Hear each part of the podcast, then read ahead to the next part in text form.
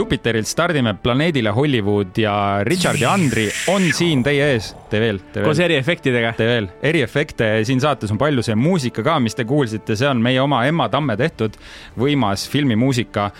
üldiselt on Planeet Hollywood siis podcast, kus me räägime filmidest, kõigiga filmiga seonduvast ja mis seal salata, meile meeldivad need Hollywoodi suured kassahitid, efektifilmid need ägedad äh, superkangelased No fantaasiad, tegelased, aga Richard, ütle ausalt, need on need filmid, mida inimesed tegelikult enamasti kinos vaatamas käivad, sellepärast et äh, on ka palju filme, mis äh, meeldib kriitikutele, aga võib-olla alati ei leia seda ühist keelt, siis vaata kinotoppide ja selliste suurte filmidega on alati palju põnevust juures ja seda tahakski lahata siin südamest südamesse. Filmisõpradelt, filmisõpradele anname teile siis ülevaate ja kuidas meil see saade välja näeb, ma ütleks väga lihtne formaat, räägime alguses natuke filmiuudiseid, alati oleme mõlemad Richardiga mõned äh, nädala kõige säravamad äh, tähed üles otsinud, siis äh, arvustame ka filme, kuid ma pean juba ütlema ära, et seekord on sarjade eri, sellepärast et kuidagi sarjadeni me ei olegi jõudnud ja kinonädal ka ei ole võib-olla nii tugev kui siin juba järgmine nädal, siis vaatame Jupiteri soovitused ära ja räägime vahepeal siin kogemusi, mõtteid, tundeid ja kõike muud ja täpselt räägime siin äh, selle aasta ühtedest noh, populaarsematest sarjadest ja kusjuures me ei ole jah, sellist nagu ma, mulle täitsa meeldiks kutsuda erisaateks seda, sest me teeme midagi natuke teistsugust. jah, absoluutselt, aga ma ütlen, sisu jääb samaks ja võib-olla minu esimene selline soojendusküsimus sul on, Richard, see, et äh, kui palju sa üldse vaatad filme versus sarju, mis su see osakaal on, ma ei tea, sellisest, kui sa mõtled viimase poole aasta peale? See on äh, hea küsimus. ma ikkagi arvan, et ma vaatan praegu, tead, okei okay,, kui ma peaks ise pakkuma, siis filmid kuuskümmend prossa, sarjad nelikümmend prossa. aga kas sa räägid üleüldiselt äh, uutest ja. asjadest või sa räägid äh, üleüldse kõike, mida ma vaatan okay. ja et vahepeal oli tegelikult teistpidi ka, ma tunnen, et mingid ajad ma reaalselt vaatan ainult sarju, ma ei vaata filme Aga peaaegu üldse ja aga, aga nüüd ikka ma tunnen, et ma käin, me rääkisime eelmises saates ka, mitu korda me reaalselt kinos käime ja noh, ma tunnen, et mul on nädalaid, kus ma käin kaks kuni kolm korda nädalas kinos. aga mul on protsent üheksakümmend kümme sarjade poole kindlasti Vau. sellepärast et äh, mulle ei meeldi, kui kodu Sulle on ei meeldi vaikne filmid?. mulle, ei, mulle filmid väga meeldivad, aga ära, saa valesti aru, filmi jaoks on vaja keskenduda ja vaadata ja mu- mulle ei meeldi, kui kodu on ka vaikne ja meil küll kodus alati käib mõni sari, olgu siis äh, Mirelli valitud või äh, minu valitud ja vaatamegi neid nonstop. Ja täna ühest sarjast räägime ka, mida ma nonstop vaatan, mida ma olen tõenäoliselt vaadanud äh, seda üheksat hooaega, ma arvan, üle kahekümne viie korra, kui mitte rohkem. Ja, ja tõesti sarjade poole kisub, aga ma filme armastan ja, ja ma alati naudin neid uusi häid filme, lihtsalt nii on. Ma tean küll, mis sari see on, mida sa nonstop vaatad ja meil oli enne, enne tänast vist eile-üleeile me rääkisime just, et kumb meist on rohkem seda sarja vaadanud, ma veel ära ei ütle, mis see sari on, aga ma arvasin, et mina olen seda rohkem vaadanud, tuleb välja, et hoopis sa oled palju rohkem ja näinud. aastaid, aastaid vaadanud ja põhimõtteliselt, kui on selline hetk, et telekast midagi ei tule, telekavas vaatad, no otsas kõik ja, ja siis jõuad, et jõuad sinna hetke, et tahaks midagi, aga ma ei tea, mida ma tahan, siis see sari on tulemas. aga kas sa suudad ära arvata, mis on see sari, mis äh, minu kodus kogu aeg käib reaalselt niimoodi, et ma panen ta hommikul käima. ta käib mul taustal, kui ma koristan ja ta käib reaalselt taustal, kui ma jään magama, ma panen Okei. telefonis selle sarja käima ja ma jään magama selle taustal. see on küsimus mulle, jah? ja kas sa tead mind piisavalt ja ikka tean, ma sul akna taga binokliga käin vaatamas sedasama sarja, aga äkki on Friends? õige vastus, täpselt jah? nii ongi ja söögi alla, söögi peale, une peale, une alla, kogu aeg, duši all ka, kusjuures olen seda muideks kuulanud. äh, lugesin Friendsi kohta sellist fakti, et äh, ma nüüd jään nime võlgu, sest ma ei ole puusalt seda siin uudist jagan, aga, aga üks tuntud muusik just ütles, et Friendsi sari on rikkunud ära muusikamüügi, sellepärast et Friendsi sarjas käidi istumas diivanite peal, joodi kahekümne euroseid latesi ja nüüd ei osta mitte keegi enam muusikat, et Friends on teinud suure karuteene kogu muusikatööstusele. eks see on ka selline, tuleb poolnaljaga äh, võtta seda uudist, aga jaa, Friends läheb korda paljudele, kas siis armastatakse või vihatakse. Ja see on, see on tõesti osa, osa minu elust juba. aga mm, kas asume oma esimese segmendi juurde, milleks on sarja uudised.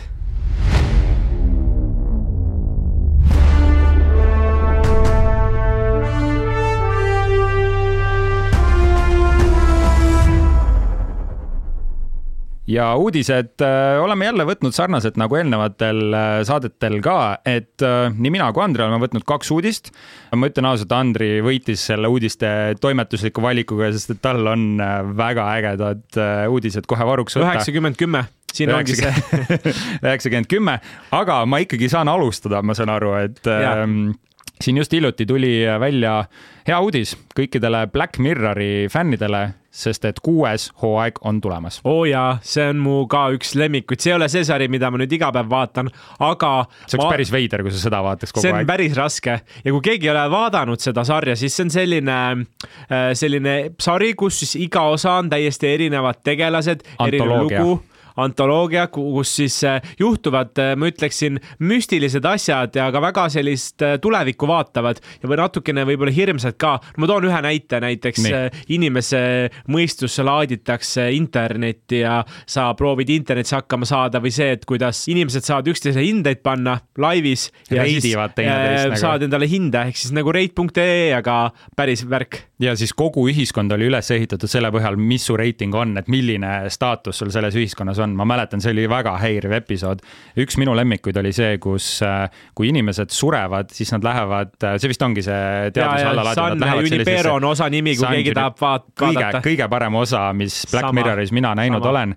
Äh, kusjuures peab ütlema, et see on nagu veidi helgem, mis tegelikult teeb selle sarja eriliseks, on just see ma mõtlesin väga villase termini selle sarja kohta. ma kutsun seda tehnodüstoopiliseks antoloogiasarjaks uh,. uh, siin tuleb eesti keele sõnastik ette võtta ja muidu ei saa hakkama. see on tegelikult päris kohutav, sest see, see termin oli täpselt kõik see, mida ma tahan, et meie saade ei oleks, aga mis ja. ma selle all mõtlen, antoloogiasari, nagu sa mainisid, iga episood on täiesti oma story ja seda tehnoloogia arengut on just välja toodud, kuidas see inimkonda mõjutab ja kuidas see tegelikult inimkonda, inimkonna arengut pärsib üldse. ja, ja näiteks on olemas ka Black Mirrori äh, film ja see filmi teeb eriliseks see, et saad päriselt puldi pealt valida, kuidas see lugu edasi läheb, seal on neli või viis sellist püendi äh, momenti ja see film lõpeb iga, iga, iga kord erinevalt, mina olen selle läbi äh, katsetanud ja vajutanud ja Bandwitch, Bandwitch on nimi. või mingi Bumber Snatch või Bandwitch. ei, Bandwitch, ja, ja, ja ma olen, olen ikka fänn ja võib, äh, võid pärast Kugelda, üle. Google, Google. ei, ma tean, ma tean, et on. on, on uh,. Bandersnatch äkki igatahes äh, jaa, seal oli tõesti, see oli interaktiivne siis sisu seal, aga Black Mirrori juurde tagasi minnes, sellel on juba olnud viis hooaega, palju on räägitud, millal jõuab see kauaoodatud kuues hooaeg. me teame nüüd nii palju, et kahe tuhande kahekümne kolmandal aastal, sellel aasta juunis jõuab siis Netflixi see, see uus sari ja nagu me natuke mainisime, ta on selline düstoopiline, natuke depressiivne kohati, aga see sari võib olla veel jabur, naljakas, hirmus, šokeeriv, aga ta on väga teravalt kirjutatud. Ja mida me uues hooajas nüüd näha saame, tegijad ütlesid, et äh, osad on pikemad, meil on rohkem episoode ja nad on palju sinemaatilisemad ja selle all ma mõtlen, et iga episood tuleb nüüd praktiliselt eraldi mängufilm. okei okay,, muidu olid umbes tund aega, ütleme keskmiselt tund aega, seal oli mõni pikem, mõni lühem. nüüd ma saan aru, et tulevad äh, natuke pikemad, aga jah, tõesti, Richard äh,, sul oli õigus, pean tunnistama siin yes., äh, pean silmad häbitäis ütlema, et äh, Bandersnatch oli jah, ma ajasin ühe teise sisuasjaga segi. ja kes astuvad veel üles kuuendas hooajas, no tõeliselt äh, hea koorekiht on siin äh, kokku toodud. Aaron Paul, keda me oleme Breaking Badist näinud, Zazie Beats on üks väga lahe mm, näitlejanna, kes mängis Deadpool kahes äh,. Domino karakterit, meil on veel Selma Hayek, Josh Hartnett, Kate Mara ja neid inimesi on veel seal palju ja nii palju, kui ka treilerist ära öeldi, siis me näeme äärest äärde jälle erinevaid lugusid, me näeme, mis toimub kosmoses, me näeme, mis toimus ma ei tea, üheksakümnendatel dial-up connection'iga, mäletad, kui käisid need veidrad hääled, kuidas internet käima läks mm? -hmm, nagu... ma ei oska järgi teha ei oska, no sa alguses proovisid eri, eriefekte teha. aga jaa, näeme jälle taaskord midagi väga seinast seina. see treiler ei andnud äh, õnneks mitte midagi sisulist ära, aga visuaalselt see oli väga võimas, nii et äh, hoidke, hoidke siis pöidlad peos, et see, see juuni tuleb piisavalt kiiresti ja siis näeme uut hooaega. ja, aga siit on hea edasi minna siis äh, videvikuga ja mitte et õues oleks videvik, aga meie südames on videvik sellepärast, et nüüd on välja öeldud selline asi, et hakatakse arendama videviku sarja. Ja kui me teame, siis videvikul on praegu viis filmi ja ka posu raamatuid ja filmid olidki siis aastal kaks tuhat kaheksa kuni kaks tuhat kaksteist vahemikus. iga aasta muideks, see oli hea aeg, kui tuli iga aasta siis ühest sarjast film välja ja no tõeliselt inimeste südamet ta vallutas ja sellised näitajad nagu Robert Pattinson, kes siis oli Edward Cullenina, keegi, kes ei ole näinud, siis tema oli see vampiir seal ja Sädelev. siis äh, Kristen äh, Stewart, kes siis mängis ka pearolli Bellat, äh, tema on sealt saanud tuult tiibadesse, ka Taylor Lautner, kes siis oli, ütleme, kolmas selline peategelane, tema oli siis äh, hundipoiss ja, ja kogu see maailm käiski vampiiride, huntide, inimeste ja selle ümber. kas hundid või vampiirid? Ma pean mõtlema mm, tead, vampiirid olid lahedamad Ai, seal, seal. muidugi hundid. hundid jah, sa oled siis äh, tiim äh, Jacob, Jacob ja Alati. mina olen tiim Edward tuleb välja. Enda teadmata olen nüüd, äh, kuulun uude sinna grupeeringusse, nüüd hakkan neid Facebookis saama neid kutseid gruppidesse, et tiim Edward ja jään ootama neid. Andri Padar, minge ta Facebooki lehele, kutsuge ta Twilighti gruppidesse. ei soovi, aitäh, võib, võib vahele jätta, aga Lions, Lionsgate siis hakkab seda arendama. ma saan aru, et praegu on iga igasugused õigused äh, juba kätte saadud, kuna see nüüd täpselt tuleb, no raske öelda, sellepärast et vaata nende alustavate projektidega on natukene viiskümmend, viiskümmend, et öeldakse mingid kuupäevad, alati tulevad mingid asjad vahele, aga oluline on äh, võib-olla muutus on see, et äh, ta pole enam sellises nullstaadiumis, et et mõeldakse kuskil, et kas tuleb, pigem on see küsimus, kuna tuleb mitte see, et kas ta tuleb, sellepärast et head kassatulu ta tegi ja neid armastatud tegelasi, tõenäoliselt samu tegelasi me enam ei näe, aga ah,. seda tahtsingi küsida, et kas see on nagu nende samade karakterite kuidagi. kas sa arvad, Harry... et Robert Pattinsoni saab äh, nüüd ära rääkida? ei no vaata, mida Harry Potter tegi, me rääkisime paar äh, episoodi tagasi siin, et äh, Harry Potteri sarja hakatakse tegema ja võetakse ette jälle needsamad filmid ja nendest tehakse sari, iga hooaeg võtab ühe raamatu. et siin ongi see, et kas nüüd Twilight äh, tahab sama teed pidi minna, mida ma loodan, et nad ei tee, me ju just nägime neid filme, või nad teevad midagi täiesti uut selles maailmas. sest tegelikult see vampiiride ja libahuntide maailm, nii palju, kui meil võib-olla meeldib maha teha neid filme, need olid populaarsed ja nendest saab väga ägedaid lugusid rääkida. jaa, absoluutselt, ma arvan, et või mitte ma ei arva, aga kogu see süžee jääb selles suhtes äh, samaks, et on vampiirid, on, äh, on libahundid, on inimesed ja, ja kogu see maailm hakkab selle vahel käima. süžee kohta ei ole küll praegu mitte midagi otseselt öeldud, on öeldud seda, et eh, kuna puudub selline ostja veel, see on natuke strateegiline küsimus, siis nad hakkavad nüüd seda striimingutele pakkuma ja kes rohkem eh, pappi välja käib, olgem ausad, siis see selle sarja endale saab ja no eks kõik suuremad HBO-d, eh, Netflixid. Jupiter. Jupiter ka suuremad, me räägime kõige suurematest. aga tundub, et me oleme uude ajastusse jõudnud omadega, hakkavad tulema nüüd sellised kümme, viisteist aastat tagasi olnud suured filmid sarjade näol, rääkisime ka Harry Potterist äh, üks päev ja Täpselt. tundub, et see on mingi uus äh, trendi asi kas sulle meeldib see trend, meil ongi jah, sa mainisid Lord of the Rings, Harry Potter, nüüd tuleb Twilight, ma ei tea, kas noh, seda on nii ammu juba räägitud, et kes originaalsed ideed hakkavad otsa saama või, või noh, või sulle just meeldib neid samu frantsiise ja tegelasi külastada? vaata, mulle meeldib sellepärast, et äh, kui ma mõtlen, et mina olin noorem, siis minu ajal toimusid kõik need lahedad sarjad ja mm -hmm. filmid ja mul on väga nagu kuidagi arusaadav, mis toimub aga pettumust on ka selle eest äh, võib rohkem olla ja võib-olla on aeg äh, natuke superkangelaste filmidest äh, korraks eemale astuda, et ja ma ütlesin selle välja, et ma ootan nüüd ära selle järgmise Galaktika valvurite filmi ja kui see valmistab samamoodi pettumust nagu viimased kolm superkangelaste filmi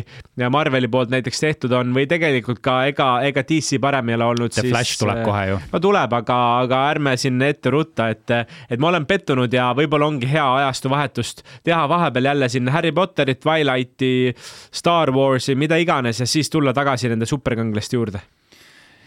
Ja kas tahad veel midagi lisada, võtame järgmise uudise ja jätkame ühe minu lemmiksarjaga ja The Witcher kolmas hooaeg on jõudmas Netflixi ja sellel tuli just uus treiler välja. tundub võib-olla veider, et miks ma valin lihtsalt siukse uudise, kus me räägime, mingil sarjal tuli uus treiler välja, aga palju on juhtunud Witcheris ja mis toimub Henry Cavilliga, mis üldse kogu selle frantsiisiga juhtuma hakkab. ja see pole ainult sinu üks lemmiksarju, vaid ka minu ja yes. mina, kes äh, Nukid. tegelikult äh, ei ole mänginud seda mängu, mille baasil see on ja ei ole lugenud siin raamatuid. Äh, okei okay,, ma ütlesin, mäng on nagu filmi baasil, aga tegelikult raamatud on ju alus, et raamatuid mina lugenud ei ole, aga ma tahan öelda seda, et see sari on küll üks minu lemmikuid, ma arvan, üle aegade selline top kümnes kindlasti, et ta viis mind hästi hästi sinna olustikku sisse ja võib-olla sa räägid paari sõnaga, millest see, millest see sari äh, räägib? see, seda on raske kokku võtta, aga vaata, sa mainisid mänge ja raamatuid, tegelikult see sari on puhtalt äh, raamatute põhjal tehtud, et ähm, ja see räägib äh, peategelasest Geralt of Riviast, kes on siis maagiliste võimetega, selle karakteri nimi ongi Witcher, kes siis on noh, niisugune nagu munk, veidi maag tal on erilised võimed ja ta käib selles fantaasia, niisugust Lord of the Ringsilikus maailmas ringi ja ta on justkui selline seal on ka eri rassid. pearahakütt ja no ma ütlengi, et seal on Lord of the Ringsilik, seal on mm. inimesed, seal on haldjad, seal on öö, kääbikud, seal on kõik täpselt, seal on kõike ägedat, mida ühes fantaasia frantsiisis on ja loomulikult seal on igasuguseid erinevaid kurje olendeid, häid ja kurjasid olendeid. aga mis selle sarja puhul just oluline on, et need väga kurjad ja hirmsad draakonid või olendid, mis seal on, ei ole keegi nii kurjad, kui on need siis humanoidkarakterid ise, et mitte öelda ainult inimesed, et tegelik kurjus on ikka rohkem seal selles mm -hmm. inimlikkuse poole peal. aga The Witcheri kolmanda hooaja treiler näitas siis ära jah, et äh, äh Geralt äh, kes siis eelnevas kahes hooajas on Siiri selline kaitsja olnud, ütleb ühe lause põhimõtteliselt seal treileris ja see on, ma esimest korda tean, mida tähendab hirmu tundmine. Hmm.. ja see treiler väga rohkem ei annagi midagi, sa näed, kuidas ta rabab mõõka, kuidas Siiri seal veits jookseb, kuidas Jennifer, oi, see on üks mu lemmikkaraktereid, Jennifer, see maak, kes seal sarjas on äh,, kasutab võlujõudu ja aga miks miks see oluline hooaeg on ja miks see oluline treiler on ja miks see Henry Cavilli jaoks oluline on, on see, et peale seda hooaega Henry Cavill astub sellest sarjast ja frantsiisist tagasi. oo oh jaa, seal oli palju, palju segadust, alguses oli juttu, et äh, ta astub sellepärast tagasi, et hakkab Supermaniks. no pidigi hakkama. pidi oli mingi kaks nädalat vist äh, jõudis see uudis alles olla, kui öeldi, et ei, Supermaniks ta ei hakka. ja nüüd on, ma saan aru, et veel mingid uued filmirollid äh, pakuvad talle võimalust osaleda, aga, aga lõpuni välja ei tea, mis on tema sada protsenti järgmine roll, sest nüüd on vahetatud neid rolli asju või sina tead, Richard? no ma veidi olen kokku kokku viinud, äh, ma ei ütle nüüd, et see sada prossa tõsi on, aga mis äh, seal Henry Cavilliga juhtus, oligi see, et äh, The Witcher, no ütleme Henry Cavill kõigepealt on väga suur nohik heas mõttes oma loomuse poolest, tal meeldib, arvutimänge mängida, tal meeldivad Witcherid, tal meeldivad kaardimängud, Dungeons and Dragonsid, Warhammerid, kõik siuksed asjad on väga tal teemas. ta on isegi pannud ühe striimis kokku geimer arvutid nagu vaatajate ees ja see Witcher on talle väga südamelähedane olnud, aga ta on nende produtsentidega ka palju sarvi kokku löönud ja, ja. seal ka veidi raksu läinud. ja siis DC andis mõista, et nad toovad tagasi Henry Cavilli Supermani ja sellele järgnes kohe uudis, et Henry Cavill astub tagasi Witcherist ja tema mhm. asemele tuleb tõn-tõn-tõn Thori vend Liam Hemsworth, mis noh kohutav. lahe näitleja, aga kohutav selle rolli jaoks, sest ma ei tea, ma ei kujuta absoluutselt ette, kuidas ta selles, ta just võtab Geralti rolli üle, mitte ei tule uueks karakteriks. ja, ja et see film just või see sari tähendab jätkub ja lihtsalt see nägu on vahetunud, kuigi tegelane tegelikult on sama ja, ja, ja siis, kui Henry Cavill tagasi astus nagu, et võtta see Supermani roll vastu, siis pandi James Gunn DC ette ja ta ütles ei, Henry Cavilli Supermaniga on kõik, meil tuleb uus Superman. ja siis Henry Cavill oli põhimõtteliselt keset põldu, noh, et ta astus ühest asjast tagasi, ta ei saanud ka Supermani ja nüüd lõpuks tuli noh, ma arvasin, pool aastat tagasi tuli uudis, et hakatakse Warhammer mm -hmm. sarja tegema, mis on samuti siis väga sarnase kultusliku äh, following iguga, issand ma keeran. jälgimisega, sa siin paned inglise keelt, aga räägime eesti keeles. räägime eesti keeles, ERR, aga, aga ma korra vaat-, mõtlesin, kui keegi nüüd kuulis, et äh, okei okay,, mingi Witcheri jutt, siis miks te üldse vaadata ja ma ütleksin mõned võib-olla laused siia juurde, ongi see, et ta lihtsalt emotsionaalselt nüansirikas, seal toimub väga palju, millele siis päriselt südamlikult kaasa elada, ta on hästi rikkalikult detailne, seal on iga detaili peale mm, väga mõeldud ja neid äh, toodud välja ja kolmas põhjus, mis on ka peamine, see fantaasiarohkus või neid äh, fantaasia asju seal on väga palju. et kui sulle meeldivad fantaasiaasjad, siis see sari on sulle, kui sulle ei meeldi fantaasiaasjad, siis. siis proovi. siis proovi, aga ei pea vaatama ja, aga sellega Witcheri uudised ühel pool. Andri, sul on üks äh, väga äge uudis veel. mul on ooperite seepi. see ei ole isegi uudis, see on midagi veel ägedamat. jah, tead, ma võt-, mõt-, üks päev jäin lugema äh, siin Eesti meediat ja nägin uudist, kuidas äh, Vaprad ilusad äh, telesari on jõudnud üheksa tuhande episoodi juurde. üheksasada, jah? üheksa tuhat üheksa tuhat jaa, võib tunduda üheksasada ja kui ma vaatasin, mis siin Eestis kõige pikem äh, ikkagi on olnud, siis äh, ma nüüd ei tea, kas ta on äh, all time nagu kõige pikem, aga ta on küll praegu tegevatest sarjadest, siis on ikkagi Õnne kolmteist no, ja, ja Õnne kolmteist, ma vaatasin kaheksasada kaheksakümmend osa on umbes, pluss-miinus, et see oleneb päevast, mis sa seal vaatad. ja Jupiteris saab kõiki neid osasid vaadata. Uh nii et, eh, aga ma jäingi mõtlema, et huvitav, mis on nagu need sarjad ja just sarjad tegelikult, kus on nii palju osasid, üheksa tuhat osa ja kui sa mõtled, et kaua see aega võttis, kõigest kolmkümmend kuus aastat. Ja kolmkümmend kuus aastat on vapraid ilusaid eh, asju tehtud ja, ja muideks vaprad ilusad ei mahu isegi aktiivsetest äh, telesaadetest top kolme isegi. Nii et. ühesõnaga, need on sarjad, mis praegu veel jooksevad ja millel on kõige rohkem episoode täpselt nii. Ja Vaprid ilusad on neljas.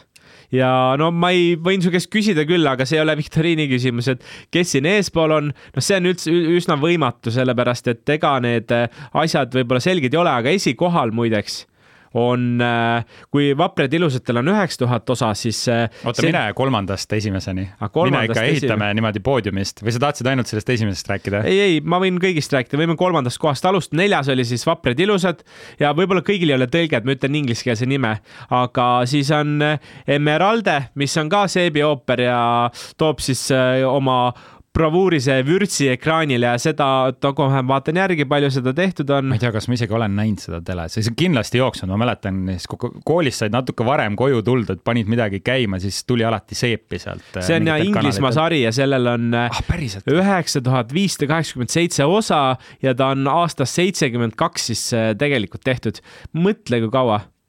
uskumatu, onju no ja väga palju aga, aga ma olgu ära öeldud, et kõik topi asjad on äh, seebiooperid, et no, telesaateid on veel mõningaid, aga ühtegi normaalset sarja ei ole, et enamus enamus sarjad ikkagi jäävad sinna alla tuhande, üle tuhande peab üle kontrollima, mina kohe niimoodi kiiresti ei leidnud, et oleks, on ka mingid pikemad sarjad nagu NCIS ja CSI-d ja, ja, ja asju, mida ikkagi tehakse päris, päris pikalt. aga mis on teisel kohal? teisel kohal on ka Inglismaa seebiooper äh, Coronation Street on nimi. olen kuulnud isegi. ja Inglismaalt pärit siis äh, aastast kuuskümmend, kui eelmine oli seitsmekümmend kaks, siis see on natuke vanem, aastast kuuskümmend ja kümme tuhat üheksasada kakskümmend kolm episoodi. uskumatu. No, esi... britid, britid ikka teevad ja esikohta läheb Ameerikasse, on ka seebiooper Young and Restless ja neil on siis kaksteist tuhat viissada nelikümmend üheksa osa ja aastast seitsekümmend kolm on tehtud. nii et võib-olla aasta mõttes ta ei ole kõige pikem, aga tiheduse mõttes on ta küll ikkagi korralikult vatti saanud. ja see on äh, pealkiri, mida ma olen kuulnud, aga ta on noh, pigem varju jäänud sellistele just vapratele ilusatele kodus ja võõrsil, need asjad, mida, mida meie eetris sai kunagi vaadata. oled sa ühtegi osa Young and Restlessi vaadanud? vist me kumbki ei ole, eks ole? Äh, ja kumb, kumbki ei ole, aga kes sealt näiteks läbi käinud on mõned tuntumad näitlejad, David Hasselhoff on seal olnud ah,, Paul so. Walker on olnud, Eva Longoria on olnud, siis on äh, oota, mis, kes siin veel on, ma praegu vaatan neid, vaata kõik ei ole võib-olla nii tuntud ka, aga need olid võib-olla jah, kõige tuntumad nimed, aga neid pooltuntuid Ameerika näitlejaid on seal sadades läbi käinud no võimas, nii et kes tahab äh, oma, ma isegi ei saa öelda päeva sisustada, siin peab kuid ja aastaid vist panustama, et reaalselt neid sarju ette võtta, siis. aastaid. jah, siis äh, maailm on teie päralt, pange tuld.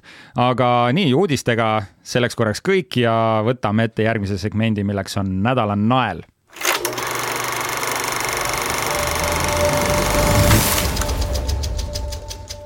ja nädala nael on meil seekord äh, natuke teises võtmes äh, lahendatud, sest et. sarjad. Äh, ja, sarjad loomulikult, nädala naelad, aga me siin vaatasime erinevaid nimekirju sarjadest, mis on kahe tuhande kahekümne kolmandal aastal olnud kõige populaarsemad ja ma ei mõtle nüüd sellel ainult, millel on kõige suurem jälgijaskond või vaadatavus, aga ka need, mis on kõige rohkem trending, kas siis ma ei tea, Twitteris, Instagramis, sotsmeediakanalites ja millel on siis nagu see mm, rahva kõla taga ja vaatajate numbrid. ja see nimekiri oli päris korralik, ütleme nii, ja mina ja Andri võtsime siis mõlemad sellest nimekirjast kaks esimest äh, sarja ette ja kõige populaarsem sari äh, kahe tuhande kahekümne kolmandal aastal on siiamaani olnud Draakonite koda tegemist on siis äh, mängu eellooga, mis räägib just täpselt sellest Targaryenide dünastiast, kes siis olidki need draakoni lordid ja lugu leiab aset siis kakssada aastat enne seda, kui troonide mängusari toimus. mis see troonide mängus, mis see ikkagi, kui keegi ei ole näinud, ma tean, mina vaatasin ka seda mitu aastat hiljem järgi, et äh, lühidalt äh, jah, lühidalt nii suure sarja kohta on raske öelda, aga millest see rääkis? ja no Game of Thrones on, troonide mäng on siis fantaasiasari, no tegelikult raamatute sari, mille kirjutas George R R Martin kus siis tegelikult ta algselt äh, tahtis kirjutada sellist keskaja poliitilist intriigi, võimuvõitlust, kuid ühel hetkel otsustas, ei, ma viskan sinna fantaasia ja draakonid ka sisse. nüüd see ongi selline väga täiskasvanulik, väga karm, väga tõsine, väga täpselt ja läbimõeldult kirjutatud lugu kus siis on juurde pandud need kõik fantaasia elemendid ja tegevus toimubki siis noh, kuskil teadmata maailmas, ma ei tea, kas see on maal, kuskil mujal ja tegemist on siis sellise Westerosi mm, mandriga, kus siis kõik need erinevad perekonnad, kes äh, ruulivad siis mingit kuningriiki. mul on täna selle eesti keelega, Estlish tuleb palju paremini ähm,. ja seal äh, jah, siis põhimõtteliselt võitlus käib trooni üle ülla-ülla, on ju, troonide mäng on sarja nimi, mis, mille nimi on siis äh, Raudne troon, The Iron Throne, mille nimel kõik siis need perekonnad põhimõtteliselt võitlevad ja troonide mäng oli siis see alglugu, nüüd Draakonite koda on siis eellugu, sest troonide mäng lõppes ära nüüd meil mingi kaks tuhat kuus, seitseteist. No tükk aega tagasi, aga mis teda iseloomustas hästi, oli see, et ma mäletan hästi kallid eh, osad. ehk siis ühe osa peale pandi seal kakskümmend, viiskümmend, isegi võib-olla rohkem miljoneid, mis oli sellel hetkel võib-olla täiesti uskumatu. nüüd on raha on järgi tulnud, tehakse ka väga kalleid sarju, aga ma mäletan, et just see Game of Thronesi sari oli hästi kallis ja seal oli hästi palju dialoog ja hästi autentne oli, et kui keegi kellelgi küsib, miks seda vaadata, et ta oli hästi inimlik inimlik, sa nägidki sellist draamasuhteid ja proovi keskaega teha, okei okay,, meil tehti siin äh, Melchiori film ka, aga see on täiesti teistsugune, et see mastaapsus, see mastaapsus, tegelaskujude arv, perekondade arv ja see draama, vot see müüs, ma arvan, kõige rohkem. Ja nagu ma saangi aru, et neid perekondlikke sidemeid, kuna seal olid mingid perekonnad, kes valitsesid kogu seda tervet äh, maailma, siis äh, nüüd see lugu räägibki nendest perekondadest, kuidas on perekonnad kujunenud, saan ma õigesti aru? tegelikult see räägib sellest ühest perekonnast, see räägibki nendest nendest Targaryenidest, kes olid võimul enne seda, kui troonide okay. mäng algas ja need olidki need valgete juustega nii-öelda inimesed, kes siis suutsid draakoneid kontrollida, et neil on väga selline maagiline, müstiline eellugu, miks nad draakoneid suudavad kontrollida, kuidas nad seda teevad, kust see nende nii-öelda jutumärkides maagia pärit on. ja nagu mainisin, see leiab aset siis kakssada aastat enne troonide mängu ja tegevus käibki siis äh, väga sellise kuulsa ähm, sündmuse eel, milleks on siis draakonite tants ja draakonite tants oli siis sellest droonide mängu ja üldse tegelikult äh, Song of Ice and Fire'i nii-öelda, see on nende raamatu frantsiisi äh, nimi, nagu selle üks tähtsamaid sündmusi, kus äh, siis draakonid põhimõtteliselt hävitati sellest maailmast.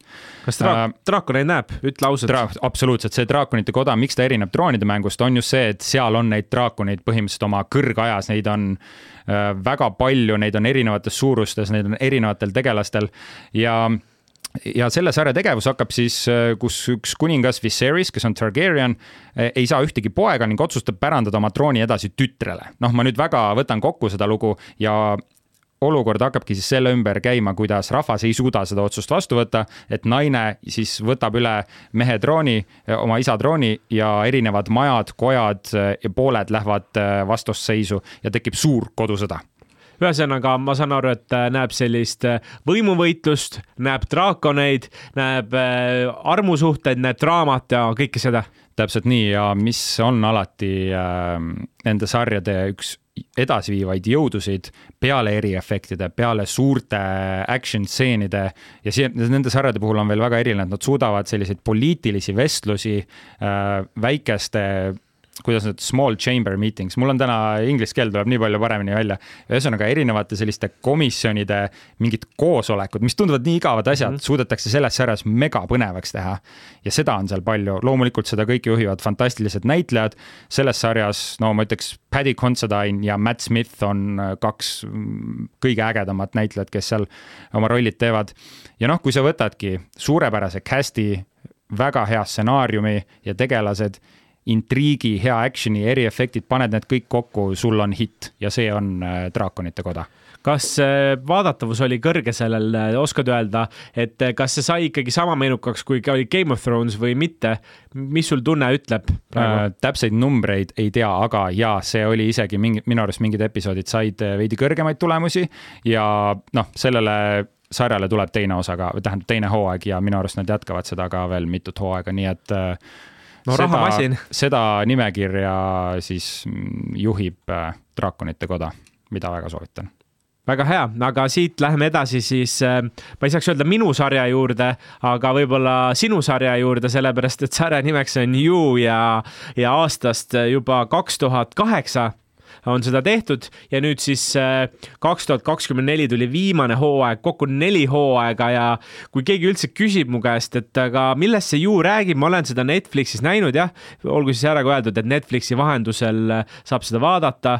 Ja kui keegi küsib mu käest, et aga millest see räägib või mis see, mis see teema on, siis teema on natukene sünge, aga selle-eest väga huvitav ja seal näeb ka stiililiselt midagi, mida võib-olla mujal ei ole nähtud, aga lugu räägib siis ühest äh, ohtlikust šarmikast, ma ütleks väga intensiivsest, obsessiivsest noormehest, kes ikkagi võtab oma käsutusse väga äärmuslikke meetodeid, et ennast inimeste ellu söövitada. ja nüüd eh, väga ilusad siin laused, rasked võib-olla laused, aga mis see tähendab, ongi see, et eh, Joe Goldberg, kes on siis peategelane ja tema siis, eh, ma ütlen ausalt, ta on psühhopaat lihtsalt, kes tahab, kes kui endale midagi mõttesse võtab, ta ära ka teeb ja kogu kogu selline mõttemäng. Ja kogu seda, kogu seda poolt on väga hästi näha, sest eh, mis selle sarja eriliseks teeb, seal on just näidatud, mida ta mõtleb, seal on väga palju sellist, kus näitlejad ei räägi, aga äh, peale loetud siis, kuidas näitlejad mõtlevad.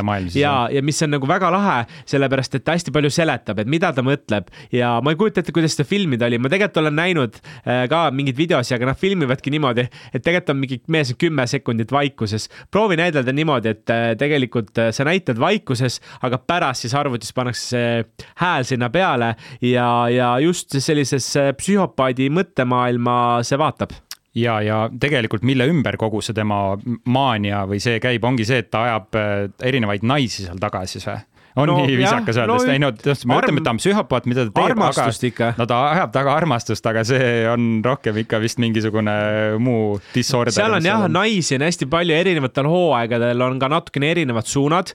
esimene hooaeg esimene hooaeg keskendubki siis äh, sellele ühele inimesele ja, ja ka keskendub sellele, et äh, ta on väga suur raamatute fänn, ta on hästi selline haritud, haritud ja täpne, ta on väga šarmikas, ta on viisakas, aga no näiteks esimeses hooajas on ka tal raamatupoe esimesel korrusel, vabandust, keldrikorrusel selline kast, kuhu inimesi luku taha panna, mida ta on seal ehitanud ja ega teistega hooaegade äh, sarnasus on see, et äh, armastus on, seal on sellist äh, obsessiivsust, seal on tapmist ja võib-olla tundub, et okei okay,, aga see on nii sünge, siis ma ütleks, ta ei ole niivõrd sünge ja niivõrd verine, kui ta on hästi selline pinev ja põnev ja, ja, ja kusjuures see on jah, raske on seda võib-olla atmosfääri või tooni selle sarja puhul nagu äh, täpselt tabada, sest ta on ühest küljest väga karm ja selline mõte, et kuidas sihukest asja üldse televisioonis näidata saab, aga samas tal on seda sihukest seebiooperlikkust ka juures, minu arust tal on, ma ei tea, kunagi võib-olla vaatasid Gossip Girl selline sari.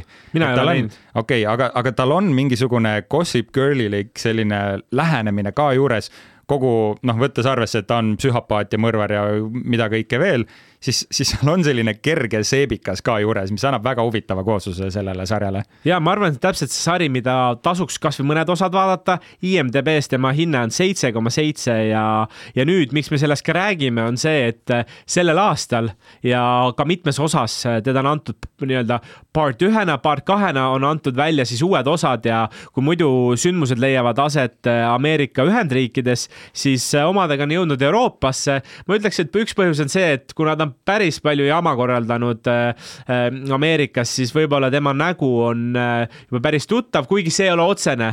Nagu põhjus, ta tahab ka keskkonnavahetust ja, ja kõike seda muud juurde, aga nüüd on, äh, nüüd on mees läinud Londonisse, Joe on Londonis ja ta proovib siis natukene madalat profiili hoida, proovib oma vanadest halbadest harjumistest välja tulla, aga, aga noh, ma ütlen, kui ma ei hakka, ma ei saa väga palju ette öelda, et mis seal nagu juhtub, sest siis ei ole teil huvitav, aga ütleme, et kõik ei lähe nii, nagu ta tahab ja sellist samasugust äh, psühhopaatilist äh, šarmi seal näeb. Ja võimas, nii et vaadake seda Netflixist, kellele tundus, et see võib äh, huvi pakkuda. Ja need on siis kaks populaarsemat sarja, mis selles nimekirjas olid, ma lihtsalt mainin ära, mis siin teised veel olid, me ei hakka neid äh, rohkem lahkama. The Mandalorian oli selles nimekirjas, Shadow and Bone, Swarm, The Night Agent, Daisy Jones and the Six, Shrinking, Yellow Jackets, Succession. nii et äh, need on äh, selle listi põhjal ühed selle aasta kõige populaarsemad sarjad. aga nüüd, kui me oleme rääkinud nendest kõige populaarsematest sarjadest, me mõtlesime, et me toome lauale ka enda isiklikud lemmikud no ühe no. lemmiku, kõige lemmikuma Just. sarja, sellepärast et häid sarju on tegelikult väga palju ja ma, oleme siin alguse poole just rääkisime kõvasti, et see üks sari, see üks sari, mis on äh, igal pool äh, mul käib, mida ma olen kakskümmend viis hooaega vaadanud, ega, ega see kaugele ei pea vaatama, The Office ja The Office'it olen vaadanud juba, ma arvan, mingi kümme, kümme aastat ikka ja Office, Office on. USA või Briti?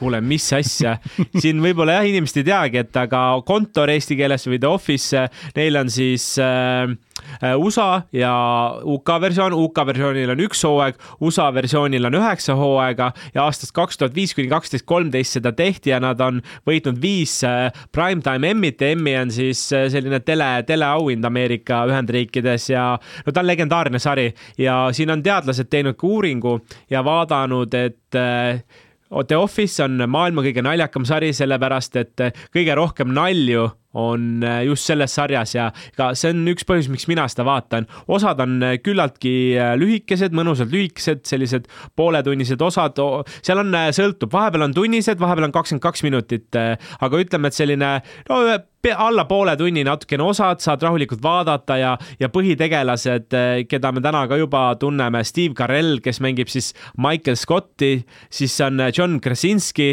kes on Jim Halperti rollis ja teised võib-olla ei ole nii tuntud tuntud ja seal ei ole vahet ühe lausega, eh, mis seal toimub ja siis paari lausega, miks ta mulle meeldib.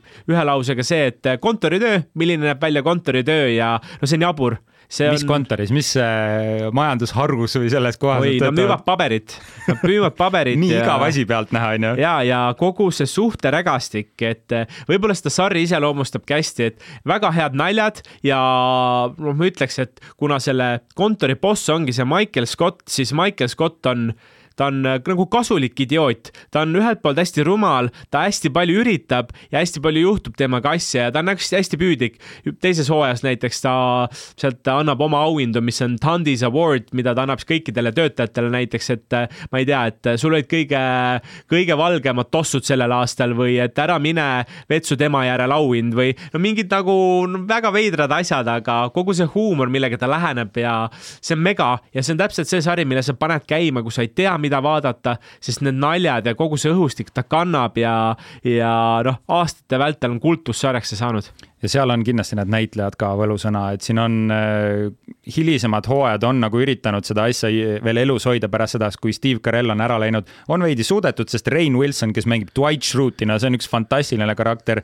Jim Halpertit sa mainisid, keda John Krasinski mängib. Äh, no nad suutsid veidi elus hoida seda, aga noh Steve Carell on see komöödia geenius, kes seda sarja juhib, aga me rääkisime sinust ka, sinuga ka selle sarja esimesest hooajast ja see on üks veider asi, minu arust seda sarja esimesest hooajast, kas sa üldse soovitaksid seda hakata ei, vaatama? teate, nüüd keegi ütleb, et aa ei, et hakkan ikka vaatama esimesest, siis äh, ma olen mitmele inimesele soovitanud, hakake teisest hooajast vaatama ja sellel on hea põhjus. pärast vaatate esimese järgi, ärge muretsege üldse, aga hea põhjus on see, et esimene hooaeg oli katse, katse selline hooaeg ja kogu see olustik hakkab päris palju muutuma ja paremaks muutuma. esimene hooaeg on kohmakas, nad katsetavad, teine hooaeg on juba päris sujuv ja ma ütlekski, mina üldse ei viitsi vaadata ei esimest, ei üheksandat, ei kaheksandat, ei seitsmendat. mina tavaliselt vaatangi teine kuni kuues ja panen otsast peale, et need on need kõige paremad hooajad, sest seal saab kõige rohkem nalja.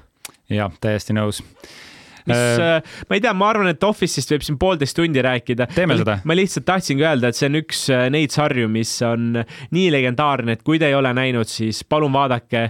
nali on garanteeritud ja eriti loll nali, kui teile meeldib see ja ma tean, et Kristo on selle sarja üks suurimaid fänne, kes üldse Eestis on, ta on seda vaadanud rohkem kui sina, ta on kas seda tal, vaadanud rohkem kui mina. kas tal on et... Äh, selline tass kodus olemas nagu World Best Boss, kui tal ei ole kaks seda, kaks tükki või? no siis ta siis lähme temaga kohvi jooma, sest äh, mul on olemas nii, aga mina valisin midagi täiesti teistsugust. Äh, minu kõige lemmikum sari praegu, mis ka eetris käimas on, on sari nimega Yellowstone muideks mina ei ole seda näinud üldse, millest see räägib? ma tegelikult valisingi selle sarja sellepärast, et see on väga nišipubliku puhul käima läinud, aga tegemist on siis modernse vesterniga, mis räägib Duttonite perekonnast, äh, kes omab Montana osariigis kõige suuremat eravalduses olevat maalappi ja selle ümber käivad loomulikult probleemid, kas üks pere peaks hoidma sellist suurt maalappi, seal on teised äh, rivaalitsevad äh, ettevõtted, inimesed, kes kõik tahavad seda lappi. Ja see põhimõtteliselt on ühe perekonna lugu, kes põlvkonnast põlvkonda on seda maad hoidnud, seda ranšot äh, arendanud ja kuidas nende omavaheline suhe käib ja kuidas nad äh, suudavad vastu seista sellele kogu välismaailmale, mis üritab väga kiirelt ennast muuta. et see on natuke selline analoogne perekond digitaalmaailmas ja ma arvan, et see sari on väga vinge just sellepärast, et äh, tänapäeva noh, ütleme sisu on muutunud selliseks noh, kõigile üritatakse meele järgi olla, mis on mm -hmm. väga okei okay,, mulle meeldib see aga see sari on leidnud viisi, mis sellise vanamoelise lähenemise, samas teha, tehes seda ikkagi progressiivselt. ja me tõesti näeme selliseid tänapäevaseid kauboid, selliseid mehiseid tõekspidamisi. Äh, ja see sari, noh, ma ütlen, Taylor Sheridan on siis selle kogu sarja looja, mees, kes on kirjutanud filme nagu Vau, mul praegu läks aju tühjaks, äh, Wind River, äh, Sicario Yellowstone on tema tehtud sari, nüüd ta on sellele veel eellugusid teinud. mees, kes on ise kauboi, kes on ise stsenarist ja kes on võtnud enda kogemuste põhjal ja toonud selle loo meieni. ja ma vaatan, IMDB on kaheksa koma seitse lausa pannud, mis on väga kõrge hinne, aga olgu öeldud, et Office'il on üheksa, nii et vaadake ikkagi Office'it äh, igatahes, äh, aga ma ütlen, Yellowstone'il on midagi, mida pole ühelgi teisel sarjal ja aga see. mis seal on, selline asi? seal on ähm, vot see on, esiteks seal on Kevin Costner, kes mängib okay. seda John Duttonit, kes on äh, siis kogu selle perekonna nii-öelda pea, kes nii-öelda peab kogu seda ranšot, kelle. hea näitlejatöö, ütleksid. no hea näitlejatöö ja just need vanamoelised tõekspidamised, mis seal siiamaani on et äh, kes seal sarjas veel üles astuvad peale Kevin Costneri on Cole Hauser, keda me oleme, ilmselt paljud teavad teda siuksest filmist nagu Too Fast, Too Furious. Äh, siin ta mängib hoopis teistsugust rolli ja Kelly Riley, kes tõesti main-, äh, väärib mainimist ka. ja selle sarja puhul, miks ta tõesti, noh, paljud kutsuvad seda ka hobusesarjaks või selliseks western sarjaks, rancho sarjaks, hobusesari sellepärast, et Taylor Sheridan, kes on selle sarja looja, tõi enda hobuseid enda farmist, äh, enda ranchost sinna sarja ja kasutatakse päris kauboisid. sinna sarja tulevad kokku päris kantristaarid. ma ütlen nii, et kui sa seda sarja vaatama hakkad ja sa oled suhteliselt selline modernse linnaliku elustiiliga harjunud, siis umbes paari nädala pärast challenge, sa tuled reaalselt kauboimütsiga siia ja hakkad no, lassat loopima. see on nii ebareaalne, kuidas see sari tõmbab sind enda maailma ja paneb sind tahtma linnast lahkuda, kuulata kantrimuusikat ja kõike seda ägedat kaasa teha. ma ütlen, mina käisin äh, ratsutamas eelmine nädal selle sarja pärast. no näed, mis see üks sari mehega teeb. nii et äh, keegi, kes seda vaatab, sina ka varsti ratsutad nagu Richard ja, ja selline oligi väike ülevaade, millised on meie lemmiksarjad, eks äh, igaühel on oma ja muidugi võib alati meile teada anda Jupiteri Instagrami lehel DM-idesse panna kirja. just ja Jupiteri Instagrami leiate ülesse, kui lähete, otsite kasutajat ERR Jupiter, see on üks sõna, altkriips IO. IO on siis Jupiteri noorteleht ja see on äh, see konto, kus saate, võite meile niisama kirjutada, soovitusi anda, mis teile meeldib, mis teile ei meeldi, millest tahaksite, et me räägiksime, et äh, kirjutage sinna DM-idesse, nagu Andri ütles. Aga me oleme siin väga palju rääkinud teistest platvormidest me ei saa üle ja ümber sellest kõige paremast kohast, milleks on ERR-i oma voogedastusplatvorm Jupiter, jupiter.err.ee, reklaamivaba, tasuta ja parima sisuga, nii et nüüd annangi mõned soovitused, mida ägedat sellel nädalal siit leida saab.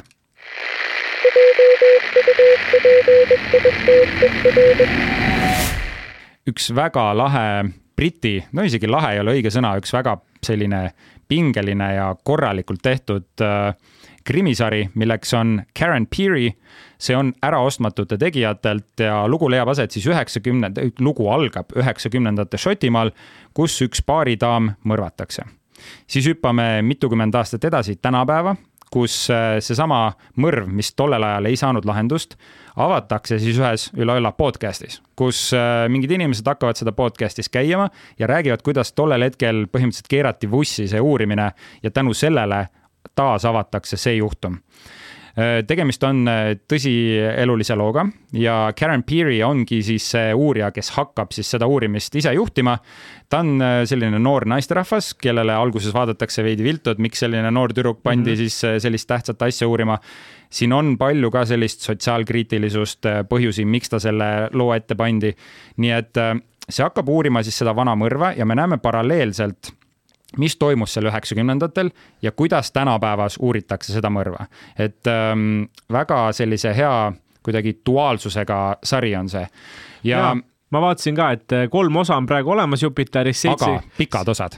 jah, pikad osad, seitse koma kuus on muideks äh, äh, hinne IMDB-s, osad on poolteist tundi pikad, nii et korralikku vaatamist on. oo oh jaa, ja see panebki mõtlema, see sari üldse päriselus juhtunud mõrvalugude peale, kui halvasti neid mõningaid asju lahendatud on ja kas neid peaks taas avama. mäletan, Netflixis oli kunagi sihuke sari ka nagu Watch when they see us, mis rääkis sellest New Yorgi Central Parki äh, rünnakust, kus siis noored äh, põhimõtteliselt vangi mõisteti. et tal oli palju sellist sarnasust sellele, aga nagu sa mainisid, kolm osa, aga need on pooleteisttunnised osad, nii et selline hea katkematu vaatamine seal on korralikult ootamatusi, seal on pöördeid, nagu ikka Briti sarjade puhul, väga hea näitlejate töö ja noh, minu arust kõige olulisem selle sarja puhul on, kui meisterlik stsenaarium sellele on kirjutatud, seal põhimõtteliselt puuduvad igasugused möödapanekud või plot hole'id, nii et ähm, väga soovitan Krimmi fännidele seda.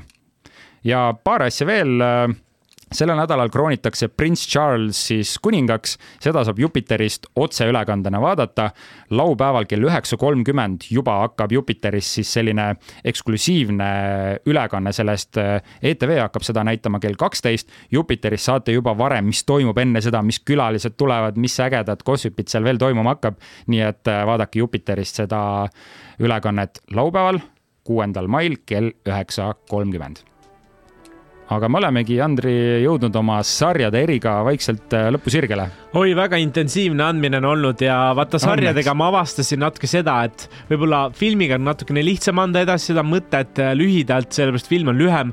sarjal on tihti palju või tihtipeale seda sisumaterjali nii palju rohkem, et, äh, et kui tahadki anda kogu seda olemust edasi, väga raske on. ehk siis me saime teile anda natuke maitsta seda sarja olemust, sarja maailma ja võib-olla rääkisime rohkem mis see sari üleüldiselt on, nii et mind just väga huvitab, mis on inimeste enda lemmikud ja noh, meie lemmikud me ütlesime siin täna ära, aga jah, sarjadega on see, et eh, kuidagi see pühendumisaeg on palju suurem. Ja, ja sarjadel on see noh, võimalus, et nad saavad lugu rääkida palju detailsemalt kui film tegelikult, et isegi ma ei tea, kui ma nüüd sult küsin, Andri, sa saad elu lõpuni vaadata kas ainult filme või sarju, mille valid ma arvan, et sarjad, sellepärast Oi. et äh, vaata, kui ma mõtlengi kõikide sarjade peale, mis on, äh, Black Mirrorist rääkisime, siis me rääkisime täna sellest äh, Office'ist rääkisime, siis me rääkisime Witchersist, et need kokku on nagu lihtsalt loo mõttes palju pikemad, ma armastan lugu ja filmid, filme ma armastan nagu eraldiseisvalt ka, aga ma valiksin võib-olla sarjad Vau, ootamatu, mina ikka võtaksin filmid, kuigi ma ütlen, sarjad on arenenud tänapäeval nii kaugele, et no praktiliselt võimatu on eristada, mis on sarja tase ja mis on filmi tase aga selleks nädalaks ongi meil kõik äh, väike diiser äh, filmist, millest me räägime järgmine nädal. Galactica valvurid äh, Vol kolm ja Chris Pratt on tagasi Star-Lordina ekraanil, et tuua meile järjekordne seiklus ja nagu treilerist näha, siis teletupsude kostüümis nad kosmosesse ringi panevad, nii et vaatamist on, ootamist on, nii et tahaks juba rääkida sellest. tuleb, ma arvan, väga emotsionaalne film, see treiler tundus, et hakkab pisarat kiskuma. ja, aga selliste mõtetega siit Planeet Hollywoodist lahkume. tšau